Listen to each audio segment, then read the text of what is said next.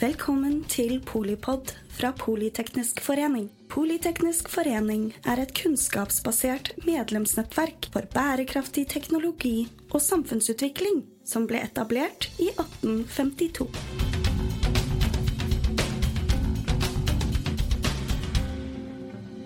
Velkommen til eh, Polipod og panelsamtalen fra det ferske strømprisutvalget med eh, kommentarer eh, i panelet med Jørgen Bjørndalen, som er sekretariatsleder fra regjeringens strømprisutvalg, og til vanlig business lead på energi i DNV.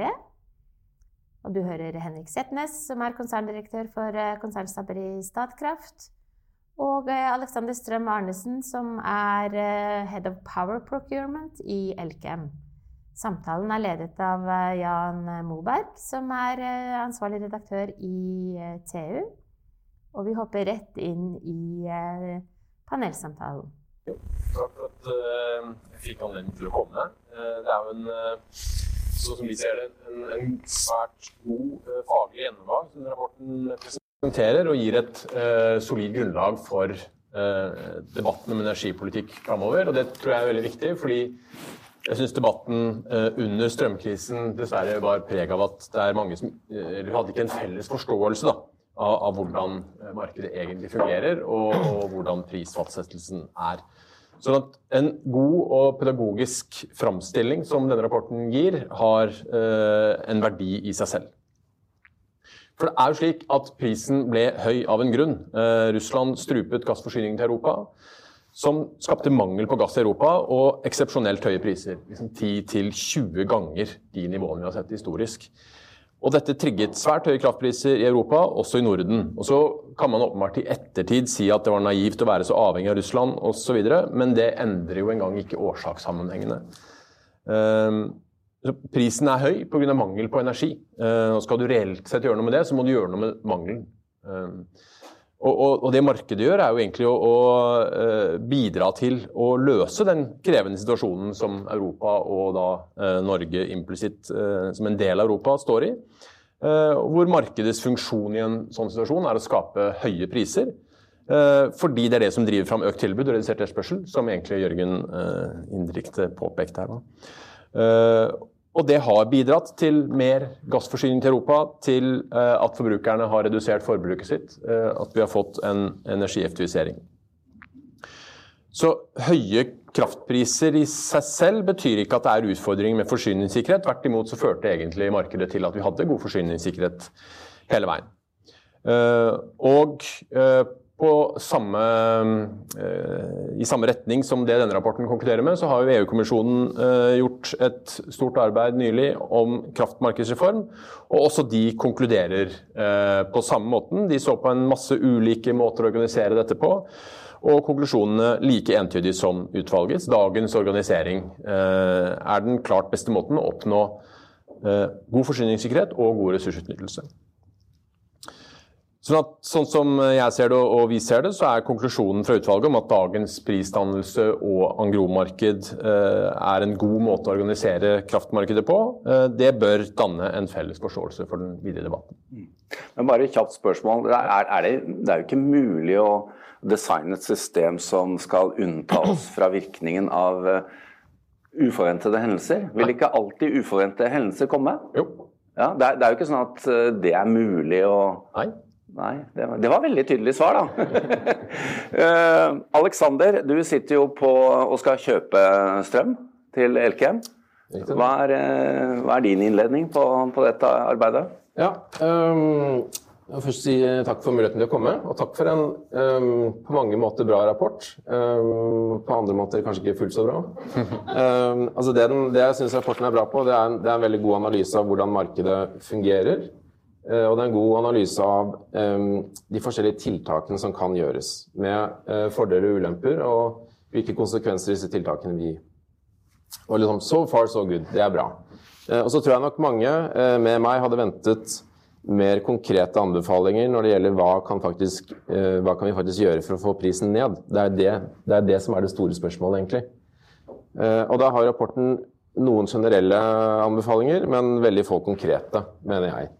Eh, og de generelle anbefalingene er jo egentlig eh, ikke så mye vi kan gjøre med agromarkedet. Eh, I den grad vi kan gjøre ting, så er det sluttbrukermarkedet vi kan gjøre noe med, egentlig. Og det er litt sånn som vi har sett nå gjennom de siste to årene med den pris, jeg vil kalle det priskrise egentlig vi har hatt. Så har tiltakene blitt satt inn på sluttbrukermarkedet, og det har fungert egentlig til husholdninger og andre sluttbrukere. Eh, men så er det liksom det store uløste problemet med dette her, som du også påpekte i introduksjonen, er liksom hva med næringslivet. Eh, der har vi statsstøtteregler som gjør at vi, vi kan ikke støtte bedrifter på samme måte som eh, husholdninger.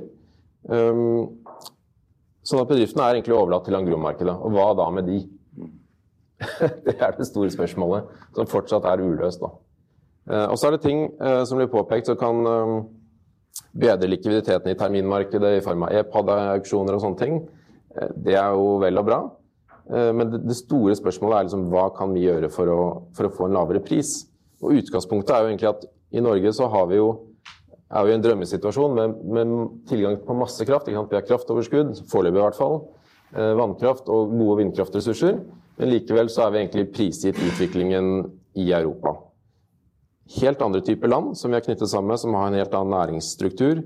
Som ikke er like avhengig av de lave kraftprisene som vi har her. Sånn. Så det er en kjempeutfordring. Men bare et spørsmål til deg også i forbindelse med innledningen. Eh, vi har jo hørt mye om utfordringene i sluttbrukermarkedet. Det er, det, det er det vi leser mest om og får mest input på. Hvordan har det vært å være bedrift? Det, har det vært like dramatisk? Nei, nå vi jo, er vi jo heldige. De aller aller fleste bedrifter, eh, og i hvert fall de største, eh, har jo en stor andel lange kraftavtaler. Eh, og det er det vi på en måte har nytt godt av i de, de to årene vi har vært, vært gjennom. Og så er det dessverre en del bedrifter som ikke har lange avtaler, og de har det jo godt verre med. Sånn som våre naboer i Kristiansand, Rex Solar. Um, så det er for en del bedrifter, og ikke minst liksom mediumstørrelse bedrifter, bakerier, gartnerier, den type virksomheter, som har mye kortere avtaler, som får kjempeproblemer. Ja, De har ikke vært vant til å sikre seg? Nei. Og så kan du si at de, Kanskje de burde sikre seg på lengre avtaler. Det tror jeg en del har begynt å tenke nå. Mm. Og så er problemet at Hvis du har et marked som er, hvor du har liksom generelt høye priser og veldig volatile priser, så, så får du høye priser for de lange avtalene også. Um, så da er man liksom like langt. Vel, eh, eks-strømprisutvalgsleder, sekretariatsleder, var det det, var det, det du, du, var, Jørgen? Her har du en kjempestor produsent og en veldig stor eh, bedriftsbruker. Hva, hva tenker du etter eh, innledningene? Ja, jeg er jo glad for å høre Jeg tar til meg komplimentene, selvfølgelig. Ikke kritikken, eller? Nei. Nei, men det er jo som du sier, det er utfordringen er eh, aktører i næringslivet som vi ikke har noen måte å hjelpe på. Eh, vi hadde jo, eller jeg hadde som en arbeidstittel på denne rapporten før vi fant en ordentlig tittel vi fikser det ikke. ikke For det fins ikke noen kortsiktige, enkle løsninger som gir lave priser. Eh, som noen åpenbart har gått rundt og trodd at det finnes, men det fins ikke. Vi, hadde det, det er omtrent som å finne opp en gratis lunsj. Det fins ikke noen kjappe, enkle løsninger som gir oss lave priser, og som ikke har noen bivirkninger som, ingen, som alle syns eh, er plagsomme. Men når det gjelder næringslivet, så er det jo noen forskjeller òg. Eh, noen er utsatt for global konkurranse. Eh, andre er utsatt for lokal konkurranse. Eh, altså Renseriet på hjørnet kan øke prisene når prisene på deres innsatsfaktorer stiger. Hvis husleia stiger, så har det en tendens til å tyte ut i produktprisene på det virksomheter selger. Det er sånn sett ikke noe annerledes med strøm. Eh, og stort sett så klarer jo næringslivet å velte kostnadene sine over på kundene. Det er derfor de går med overskudd i næringslivet. Eh, så Det er sånn sett ikke noe annerledes med strøm enn andre innsatsfaktorer. Det som er annerledes, er at markedet er litt mer komplisert. Eh, man har i 30 år kanskje vært vant til at det koster nesten ikke noe.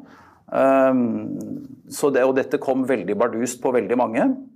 Det er til og med sånn at de som er profesjonelle i dette markedet lurte lenge på hva i all verden var det som skjedde. Og Først lenge etter høsten i 21 begynte liksom brikkene å falle på plass, og vi begynte å skjønne tegningen. Så det er, det er, et krevende marked å operere i, særlig hvis strøm er en stor innsatsfaktor. Bare et kjapt spørsmål. Dere har et 50-talls tiltak. I hvor stor grad er de rettet mot øh, nye uventede hendelser som kan komme? Er, er, har det vært en ny type risikovurdering av uh, altså, det, Sprengning av gasskabel i Østersjøen, det var liksom Å, det var en overraskelse. Selvfølgelig var det det, men altså, i hvilken stor grad har det vært en del av arbeidet?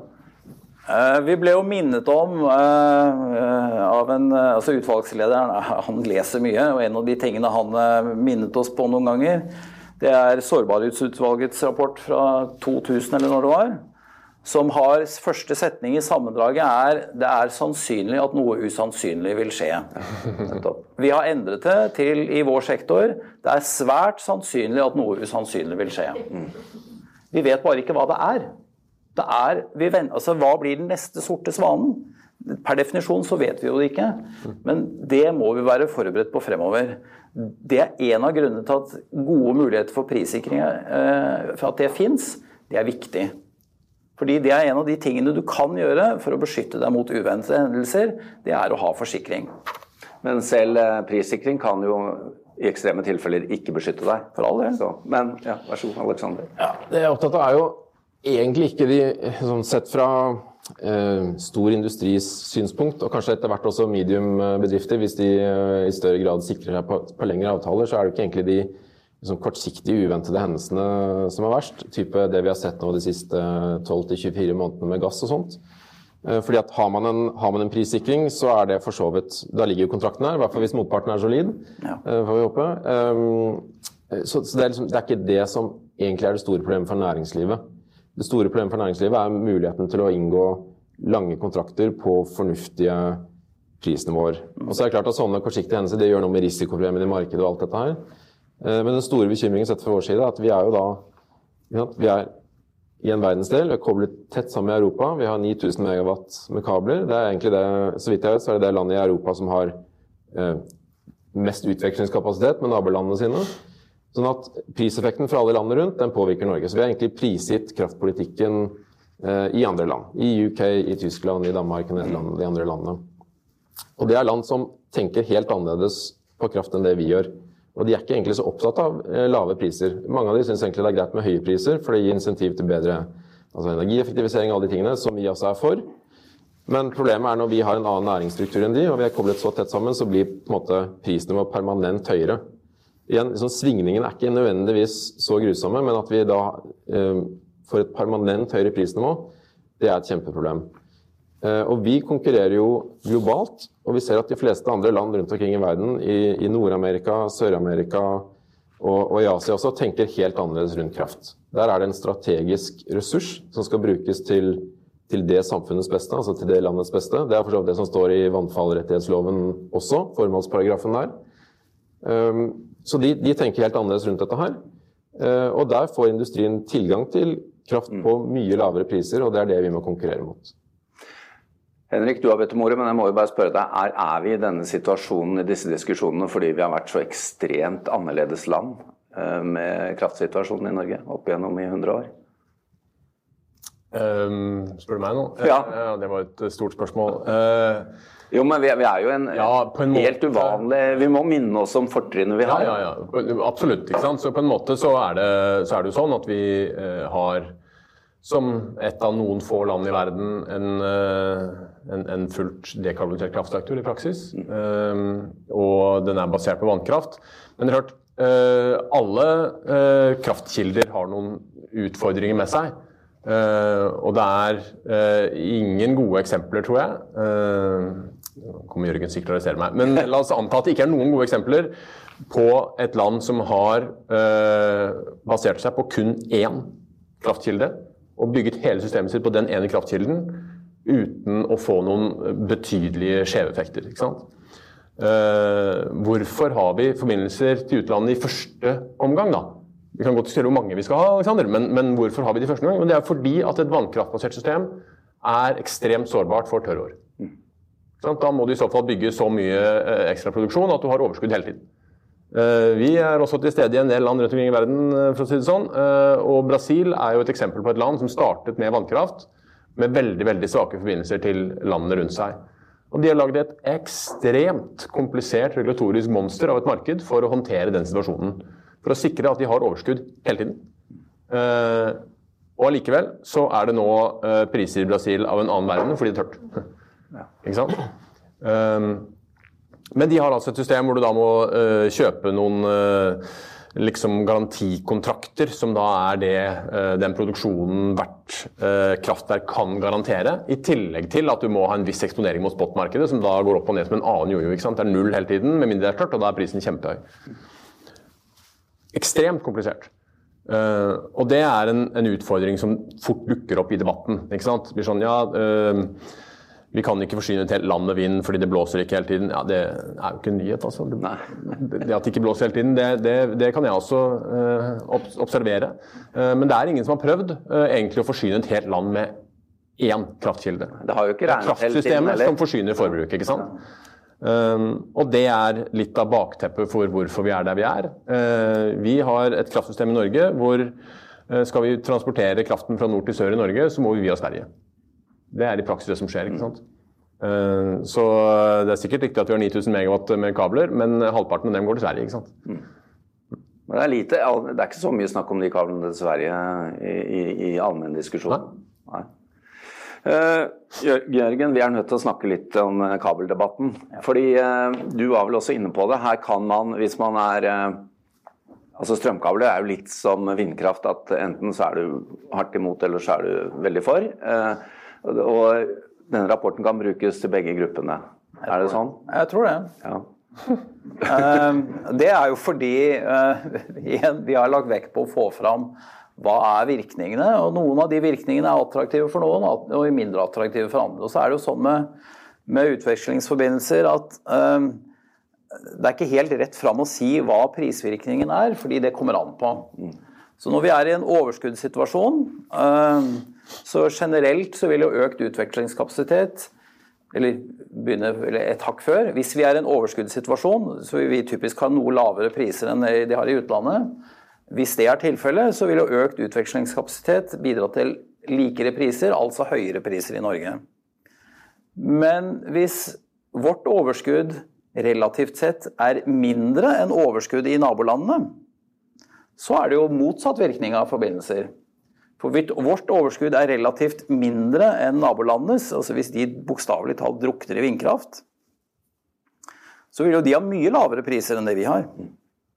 Da er utenlandsforbindelser et eh, gode for forbrukssiden. Dette ser vi jo allerede. Ja. Du går i minus, null, ja. i perioder. Ja. Eh, det er jo noen ambisjoner, hvorvidt de blir realisert, gjenstår jo å se. Men det er ambisjoner om en 200-300 gigawatt med vindkraft i Nordsjøen. Eh, veldig lite av det vil være i, i norsk sokkel.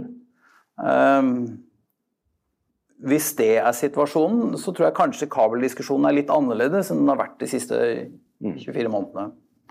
Uh, det illustrerer jo noe av kompleksiteten i dette. Uh, det er vanskelig å se for seg at disse kablene skal liksom være der, være ikke der, eller være til stede i markedet, være ikke tilgjengelig på markedet. Litt sånn etter hvordan været er i Norge. Ehm, det sitter jo typisk noen andre parter som også har investert i disse forbindelsene, og som også stiller opp for oss når det kniper. Ehm, så det er noe av liksom utfordringene i kabeldiskusjonen. Det er mange nyanser man skal balansere. Men uh, Henrik, jeg må spørre deg. Vi har jo denne diskusjonen internt i Norge om prisområdene. og Det er jo ikke bare til utlandet vi må sørge for gode forbindelser. Uh, hvor mye preges eh, hverdagen av de diskusjonene? Um, ja, eh, hverdagen vår preges til en viss grad av diskusjonene, selvfølgelig. Men, men det er nå engang sånn at det er Statnett som har ansvaret for å bygge nett i landet, da.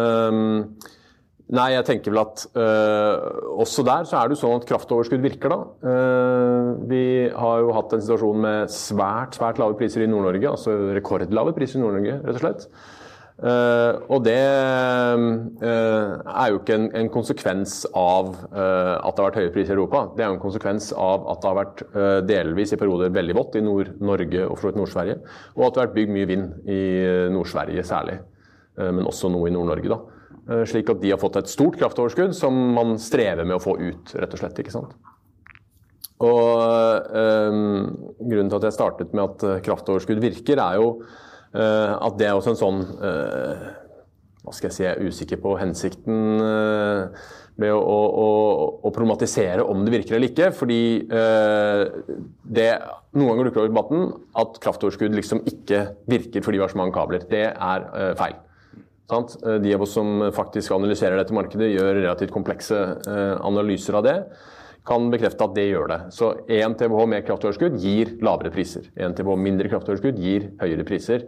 Eh, det er faktisk sånn at det er overraskende lineært. Eh, alt annet likt. Eh, det er sikkert en kurve som har noen sånne former på seg, for å si det sånn, men, men innenfor sånn pluss-minus noen TWh er det overraskende lineært, faktisk.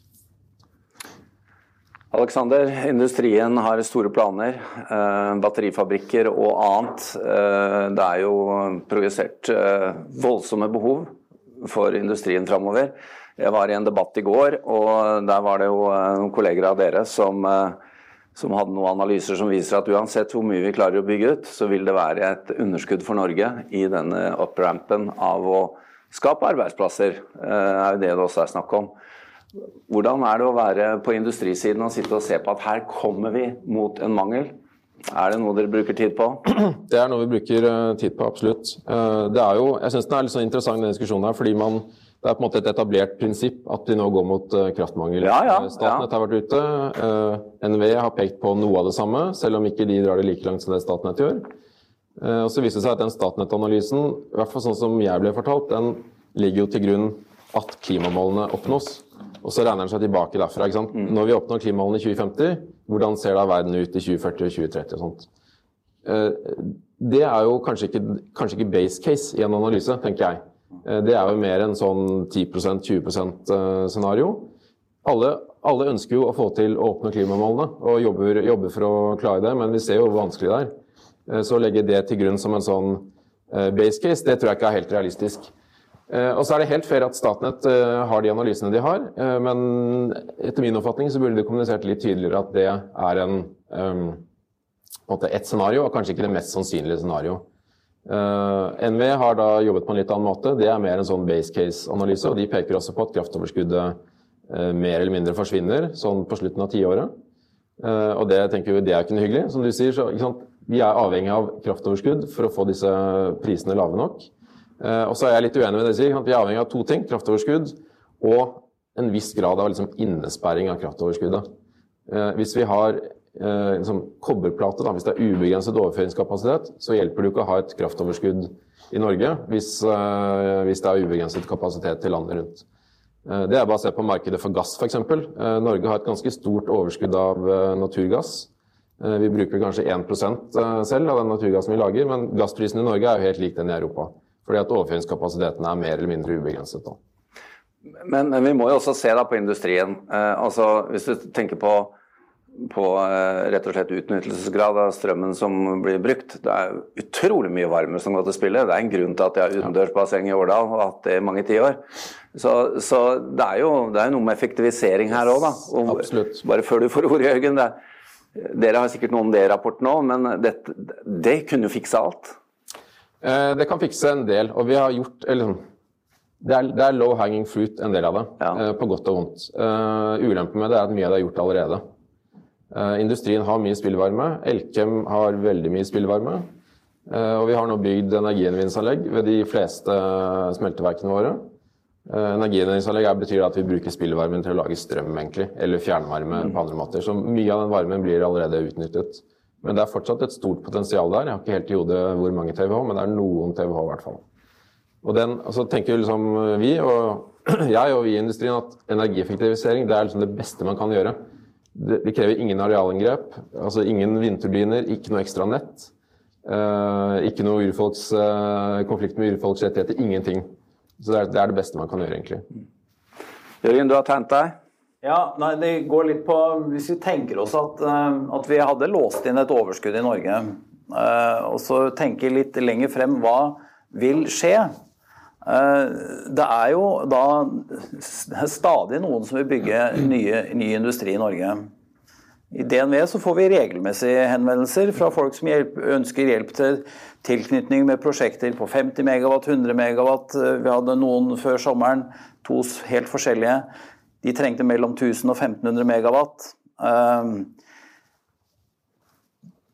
med forbruksvekst så forsvinner jo overskuddet. Så vi kan forsøke å for, liksom, klare å låse det inn en kort periode. Uh, men så utvikler etterspørselssiden seg, og det blir ikke noe billigere for, eller det blir ikke noe mindre knapphet på den måten. Det blir minst like stor knapphet på den måten. Så det å, å Ja, jeg, jeg, tror jeg stopper der. Da er vi jo tilbake og bare grep jeg ordet. Ja, er vi tilbake med en gang med det alle er enige om, ikke sant? Um, som også Energikommisjonen påpekte. Ja.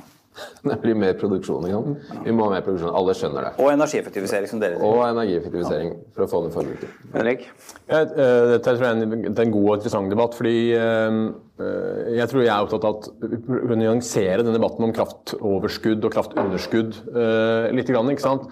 Når vi lager en, en, en analyse som sier at det blir kraftunderskudd i 2030, eller hva vi nå sier, jeg er enig med Aleksanders poeng her, så forutsetter jo det at det fattes masse beslutninger. Eh, sånn som liksom, debatten og retorikken går nå, så er det sånn at det blir kraftunderskudd i eh, 2030. Og da må vi la være å ta de beslutningene som leder til det kraftunderskudd. Altså, de, det er jo ikke sånn det henger sammen. Det henger jo sammen med at det skal fattes masse beslutninger om at forbruket skal øke, det skal fattes investeringsbeslutninger i nye fabrikker osv. osv. osv. Og da vil vi eh, få økt forbruk og et mindre kraftoverskudd. Og Så må det da fattes beslutninger fra produsenter om å bygge ny produksjon for å håndtere denne balansen. Hvis vi liksom degenererer ned til et opplegg hvor vi skal øh, liksom verifisere om det forbruket, om Elkem er verdige, eller om eh, Hydro er verdige til å øke forbruket sitt, det tror jeg er en veldig skummel vei å gå ned. ikke sant? Mm. Um, vi må se på dette som et spill hvor de som um, måtte klarer å, å, lage lønnsomme, gode prosjekter som bringer verdiskapning til landet vårt, de må nå gjøre det. Og så får produsentsiden respondere på det. Og det eh, kan jeg bekrefte at det er det betydelig villig til å gjøre. ja. Jo, og så, har du en annen dynamikk. da. Vi var inne på dette litt sånn uforventet. og Det er litt til deg, Alexander. Vi har jo eh, en batterifabrikk som skulle bygges stor i Mo i Rana. Den flytter nå til USA pga. Inflation Reduction Act. Det kommer et helt annet regime som er superoffensivt. Hvordan er det å sitte og være en internasjonal bedrift og se på det? Det kan jo hende at planene ikke kommer til å bli ja. i Norge, men heller flyttet til andre land. Og det tukler jo også med scenarioene. Ja, ja det er godt um, på en måte videre poeng i denne debatten. her, ikke sant? Det er masse planer om etablering av ny industri i Norge, og da vil kraftoverskuddet forsvinne. alt dette her. Men det er, bare, det er bare én grunn til å etablere industri i Norge, egentlig, og det er lave kraftpriser. Uh, vi har ikke noe sånn spesielt kompetitivt fortrinn på manufacturing av batterier. Kineserne er mye, mye flinkere på oss enn det. Uh, andre land i Europa har mye mer tradisjon for type manufacturing-industri og stette sammen komponenter og holde på på den måten. Uh, så spesifikt liksom for batterifabrikker så er det egentlig bare, uh, bare kraftpris. Vi har ikke noe, som sagt, ikke noe sånn utgangspunkt til god kompetanse på disse tingene. Vi er et lite land, vi har lite miljø på disse Ja, de importerer jo mye utenlandsk arbeidskraft. De det, det, gjør de. Ja. Men det, er sånn, det er ikke noe grunn til å ha det i Norge. Den arbeidskraften kunne du like gjerne importert til Tyskland eller andre steder. Så grunnlaget for å etablere industri i Norge er egentlig kun lav kraftpris. Mm. Uh, og så er det selvfølgelig det naturlige seg, hvis det blir for mye forbruk, for mange som etablerer seg, så er det på en måte en naturlig balanse. Da går kraftprisen opp, og så kommer ikke alle etableringene likevel. Jørgen, uh, to kjappe spørsmål. ble, det, ble Inflation Reduction Kom det opp i arbeidet? Det er det ene. Og det er jo spennende det som skjer, må jeg si. Eh, det andre er i rapporten så står det jo noe om at man forventer at Norge skal kunne opprettholde sin spesielle posisjon i, i, i kraftmarkedet eller, eller, eh, nasjonalt. Da. Men er det, er det, mulig? Det skjer jo masse ute i Europa med vind, sol, kjernekraft. Eh, det er jo ikke sånn at Europa heller sitter stille. Eh, for å ta det først, først. Jeg vet i hvert fall at vi har omtalt Inflation Reduction Act i rapporten, men jeg husker faktisk ikke hva vi Nei. brukte det til. Um, og det, vi har ikke drøftet noe tiltak à la om vi skulle kopiert den. Altså, vi har ikke vært i den retningen. Um, tiltak for kraftbalanse oppfattes vi egentlig å være utenfor utvalgets mandat. så det har Vi egentlig ikke, vi har vel nevnt at det, kraftbalanse er viktig, og at det kan man oppnå på en måte hvis man gjør noen ting men ikke noe videre enn det der. Eh, når det gjelder eh, Nå må du repetere spørsmål to. Ja, men rett og slett dette med kan, kan, altså Europa kommer jo. Ja. Det er Tyskland stenger kjernekraft, Frankrike durer på andre land. Om Norge har sol og vind. Kommer vi til å bevare det fortrinnet vi har? Vi, vi lever jo på en, har jo levd på en grønn gren i over 100 år. Det har vi. I hvert fall et- deler av landet. Et, et fortrinn som vi har i Norge, og som ingen kan ta fra oss, det er at vi har nå disse vannkraftverkene med disse magasinene. De har noen helt unike egenskaper. De bidrar bl.a. til at når du strever med overskudd av produksjon fra vind eh, og sol og ikke vet helt hvor du skal gjøre av det i en del land, så har vi vannmagasiner som kan absorbere den energien. Vi kan rett og slett dra ned produksjonen i vannkraftverkene innenfor manøvreringsreglement, og litt avhengig av hvor fullt eller tomt det er. Eh, Det bidrar til at vi lavere, kommer til å ha lavere systemkostnader enn nabolandene våre i overskuelig fremtid. Det er et fortrinn som ingen kan ta fra oss. Men det er ikke noe konkurransefortrinn å kunne bruke strøm. Eh, Vårt, Norges konkurransefortrinn er at vi kan lage strøm billig. Eh, Så konkurransefortrinnet ligger i produksjonen og ikke i konsumet. Og at vi faktisk kan regulere ja. veldig godt. Aleksander, Alexander, du vil ha ordet? Ja, ehm, det er jo noe av de tingene du peker på som gir meg sånn håp for fremtiden. Da. Fordi ehm, eh, ikke sant, Resten av Europa kan, kan bygge masse vindturbiner og solcellepaneler og alt dette her, som gir lav kraftpris, eh, spotpris, i perioder. Eh, Men man, man bygger da et kraftsystem som er enormt dyrt, egentlig. Eh, Fordi at eh, det, det blir litt for enkelt å se bare på long run marginalkostnader for, for, for å bygge sol eller vind. Eh, Det drar på seg masse andre kostnader med, med nett og backup-kapasitet og alle de tingene der. Sånn at man, man får et kraftsystem i resten av Europa som er eh, enormt dyrt. Og det, det må nødvendigvis betales gjennom kraftprisen. Eh, eller subsidier, da. Men? Det, må betales på en eller annen måte uansett. Um, så da, da vil Europa ha et, egentlig en høy kraftpris. I hvert fall et kraftsystem som er voldsomt dyrt å drifte. Eh, og det har vi ikke i Norge. Da vil vi, ha, vi kan ha vindturbiner og sol også, men vi har vannkraftverkene som en, som en, som en billig backup som er der eh, fra før. Og det er et kjempefortrinn. Det er jeg opptatt av at vi tar vare på. Henrik? Eh, Enig i konklusjonen, men litt uenig i premissene. Eh, At eh, et kraftsystem som det Europa utvikler, nødvendigvis er voldsomt dyrt, det tror jeg ikke er enig i. Jeg tror at de analysene vi gjør, og som vi ser at andre seriøse analysehus gjør, tyder jo på at et system som er basert på vind og sol, blir billigere enn de alternativene som finnes der ute. Så Hvis du, var et, hvis du starta et land fra scratch i dag, så hadde du bygd så mye vind og sol du kunne, og så hadde du på en måte løst eh, det resterende problemet ditt, og da hadde du fått det billigste kraftsystemet. da. Men vi har mye sunkost i det Men, vi har. men, men det er klart, har du vannkraft, så har du, sitter du på den gylne gren. så jeg er derfor enig i konklusjonen om at vannkraften, kombinert med det vi ser rundt oss, kombinert med de mulighetene vi har i Norge, vil gi oss et, muligheten til å ha en lavere kraftpris enn landene rundt oss. Men, men jeg er ikke enig i premisset om at det man gjør i Europa, blir så forferdelig dyrt. Ja, men et spørsmål til deg. Altså, du sitter jo i et selskap som er eh, det største på fornybart i Europa. Ja. Og eh, vi har, eller dere har, er det halvparten av europeisk vannkraft. Det er, en, det er voldsomt. Eh, Hvordan eh, vurderer dere og ser dere på å investere i eksisterende vannkraft for å fornye og effektivisere? Det er jo noe som ofte kommer opp, da. Absolutt. Vi investerer i eh, PT, hvis vi skal ha sånn, eh, hvor er vi akkurat nå? Investerer vi omtrent 2 milliarder i året i uh, oppgradering av norsk vannkraft. Det er ikke så mange selskaper i dette landet som investerer så mye i Norge. Men er det, Så det investeres mye penger i oppgradering og vedlikehold av norsk vannkraft. men er det startpunktet. enkelt? Sant? Historien der ute er at det ikke investeres noe som helst. Bare, det, det er feil. ikke sant? Det investeres masse penger i oppgradering av norsk vannkraft. Og så er det sånn at framover så tror vi det kommer til å øke. Eh, dels bare fordi at de kraftverkene vi vedlikeholder eh, har noen sånne årganger. ikke sant? Mye ble bygd på 50-, 60-, 70-tallet. eh, og de begynner nå å nærme seg et tidspunkt hvor det skal investeres mye. Um, og så er spørsmålet er det enkelt å øke eh, to spørsmål. Effekten og energien i de kraftverkene. ikke sant? Energien ikke enkelt.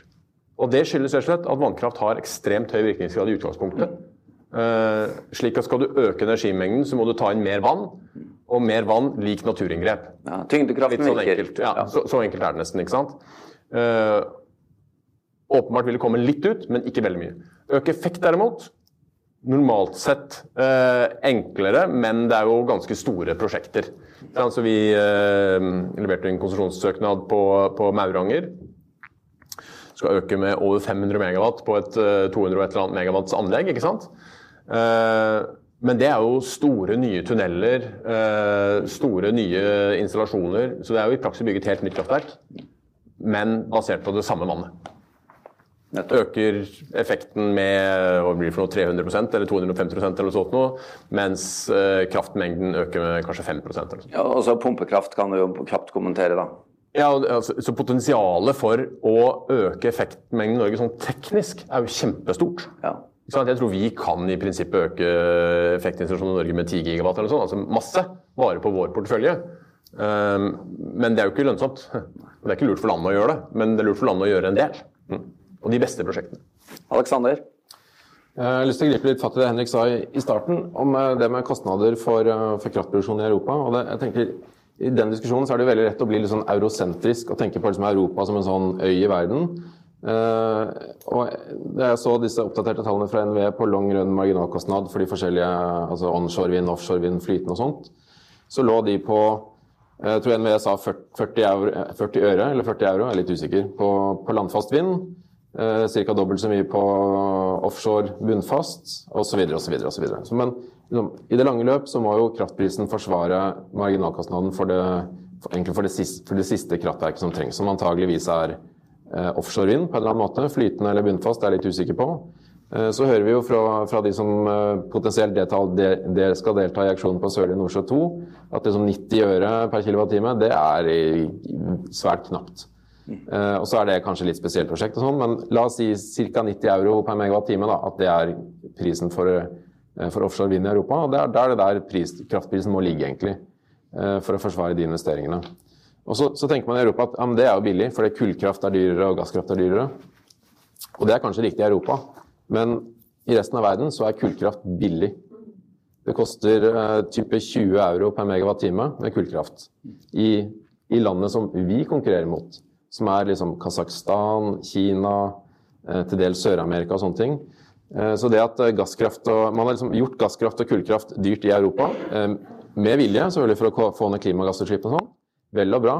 Men det hjelper ikke at Norge har liksom marginalt lavere kraftpris enn Tyskland, som, den, liksom, som er verst i klassen, som har den dyreste prisen i hele verden, når vi konkurrerer med ja, Malaysia, Kasakhstan og alle de andre som betaler type 20-30 euro maks for kraften sin.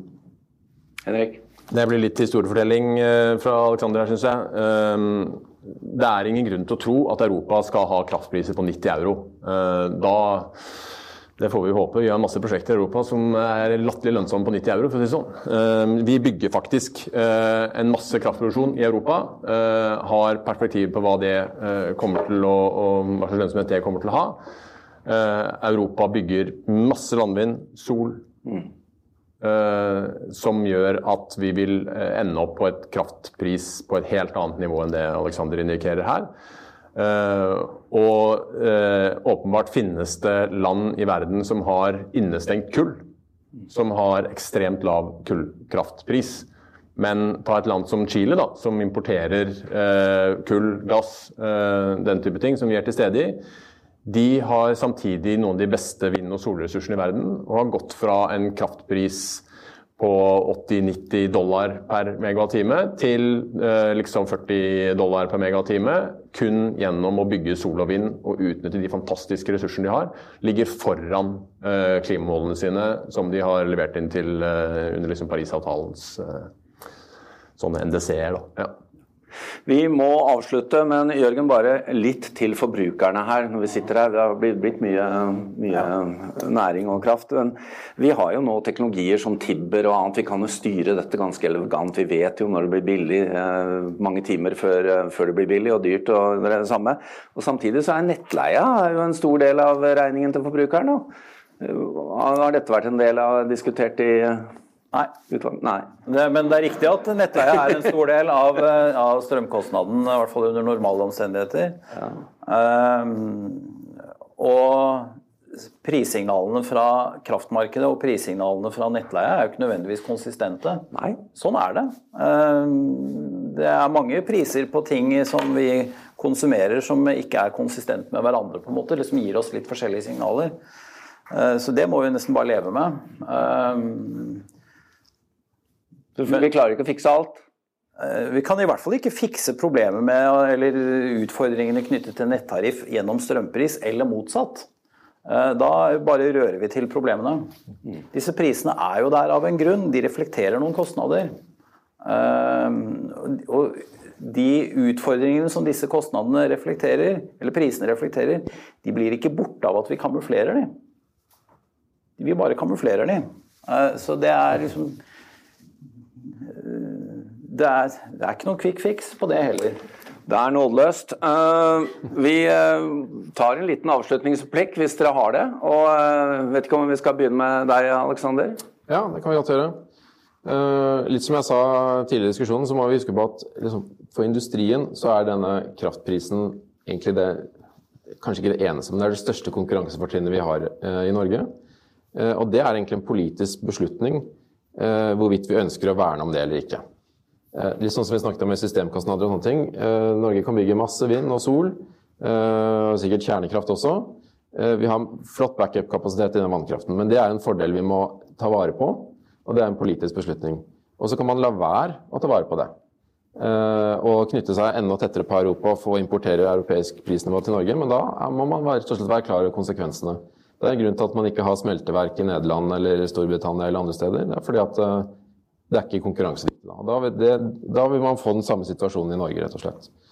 Eh, så det er det å verne om konkurransefordelen vi har, og være bevisst konsekvensene eh, det har, og ikke gjøre det. Smelteverket i Nederland, det høres jo helt rart ut. Men Henrik, noen avsluttende innspill? Ja, absolutt. Um, vi har jo diskutert kraftbalansen. Utvalget peker på at det er en av de tingene som virker. Uh, og da er det jo for oss som produsent uh, viktig å minne om at uh, de insentivene og de retningene man gir til produsentene, virker. Jørgen kommenterte jo selv grunnrenteskatten, og nå har vi nettopp lagt fram et statsbudsjett som Eh, foreslår en eh, grunnrenteskatt for eh, den kraftproduksjonen som i dag er den rimeligste alternativet å bygge ut på land i Norge, og det er vindkraft. Eh, som er den eh, Norske vindressurser er blant de beste i Europa. Eh, som vi kan utnytte for å skape et konkurransefortrinn som vi snakker om her. så forstår jeg at det er masse avveininger i det. Eh, men det bidrar jo ikke til eh, investeringslysten når man legger fram en, en grunnrenteskatteforslag som eh, etter vårt syn ikke er investeringsnøytralt. Da. Som også pålegger en, en større kostnad for uh, produsentene og gjør, uh, skaper liksom distanse mellom hva som er bedriftsøkonomisk lønnsomt og hva som er samfunnsøkonomisk lønnsomt å gjøre. Og det uh, kunne man håpe at regjeringen og Stortinget da, nå tok til seg. I tillegg til å, å, å liksom skjerme eh, eksisterende vindkraft. Samtidig var det jo sånn at de innførte et uh, høyprisbidrag, har vært et høyprisbidrag fram til 1.10, uh, som nå er fjernet. da, Som var enda mer ekstremt, sånn, som, som, virkelig dekoblet det bedriftsøkonomiske fra det samfunnsøkonomiske. Og som også hadde eh, signifikant negativ påvirkning på likviditeten i angromarkedet, som eh, utvalget påpeker som en viktig ting eh, her. Um, og, og, det bidrar i tillegg, da, for sikkerhets skyld, til uh, en, en, sånn type ordning bidrar jo til å skape usikkerhet rundt de effektinvesteringene vi har snakket om. Uh, nå har de jo lagt den i, i, i, skuffen. Jeg håper at de ikke bare lagt den i skuffen, men også skrotet den for godt. Uh, det er jo noe med å skape usikkerhet rundt rammebetingelser på den måten som er svært uheldig. da. Så, så vi, uh, som det ble sagt her innledningsvis, det er ikke så lett å lese hele den rapporten på en dag. Vi skal lese den nøye og, og levere et, et, høringssvar, men inntrykket vårt er jo at utvalget har levert et, et godt stykke arbeid og satt liksom, viktige premisser for debatten framover. Der fikk du den, Jørgen. Godt stykke arbeid. Hva tenker du nå versus uh, uh, i går morges? Nei, Jeg tror jo at, vi, at det, det, et av målene med rapporten har vært å forsøke å legge, et, uh, legge til rette for en faglig god debatt om, om de viktige verdivalgene i kraftsektoren. Det tror jeg vi, eller jeg håper vi har bidratt til det. Uh, og så kunne jeg tenke meg å bare følge opp det der punktet med, uh, som du var inne på med nettariffer. og Hvis vi knytter det helt til, til husholdningene, fordi vi har snakket mye om industri. Uh, ofte så får vi høre at det er viktig at husholdningene er på spotpris for at noen responderer på prisene. Uh, stopp en halv. Altså Kraftsystemets behov for fleksibilitet er ikke viktigere enn husholdningenes behov for kontrakter som er fornuftige for husholdningene. Mm.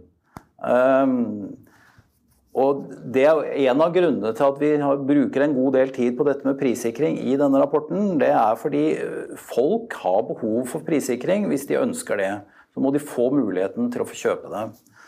Eh, og Det er ikke til hinder for at eh, det kan utvikles eh, noen gode leverandører, strømleverandører kan utvikle tjenester som bruker den lille fleksibiliteten som er i min lille husholdning. Så dette handler litt om å, å forsøke å bruke markedskreftene til noe positivt der også. Men du vet, den norske forbrukeren eh elsker å ta risiko. Vi lever med flytende rente og spotpris og spiller lotto. Så det er, det er, det er, her må vi gjøre noe med befolkningen. Eh, takk for en strålende debatt. Jeg lærte mye. Og takk til Politeknisk forening for å ha dette arrangementet. Du lyttet til Polipod fra Politeknisk forening. Få med deg flere episoder eller bli med på nettverksmøtene, som du finner ved å søke at polyteknisk, eller gå på vår hjemmeside polyteknisk.no.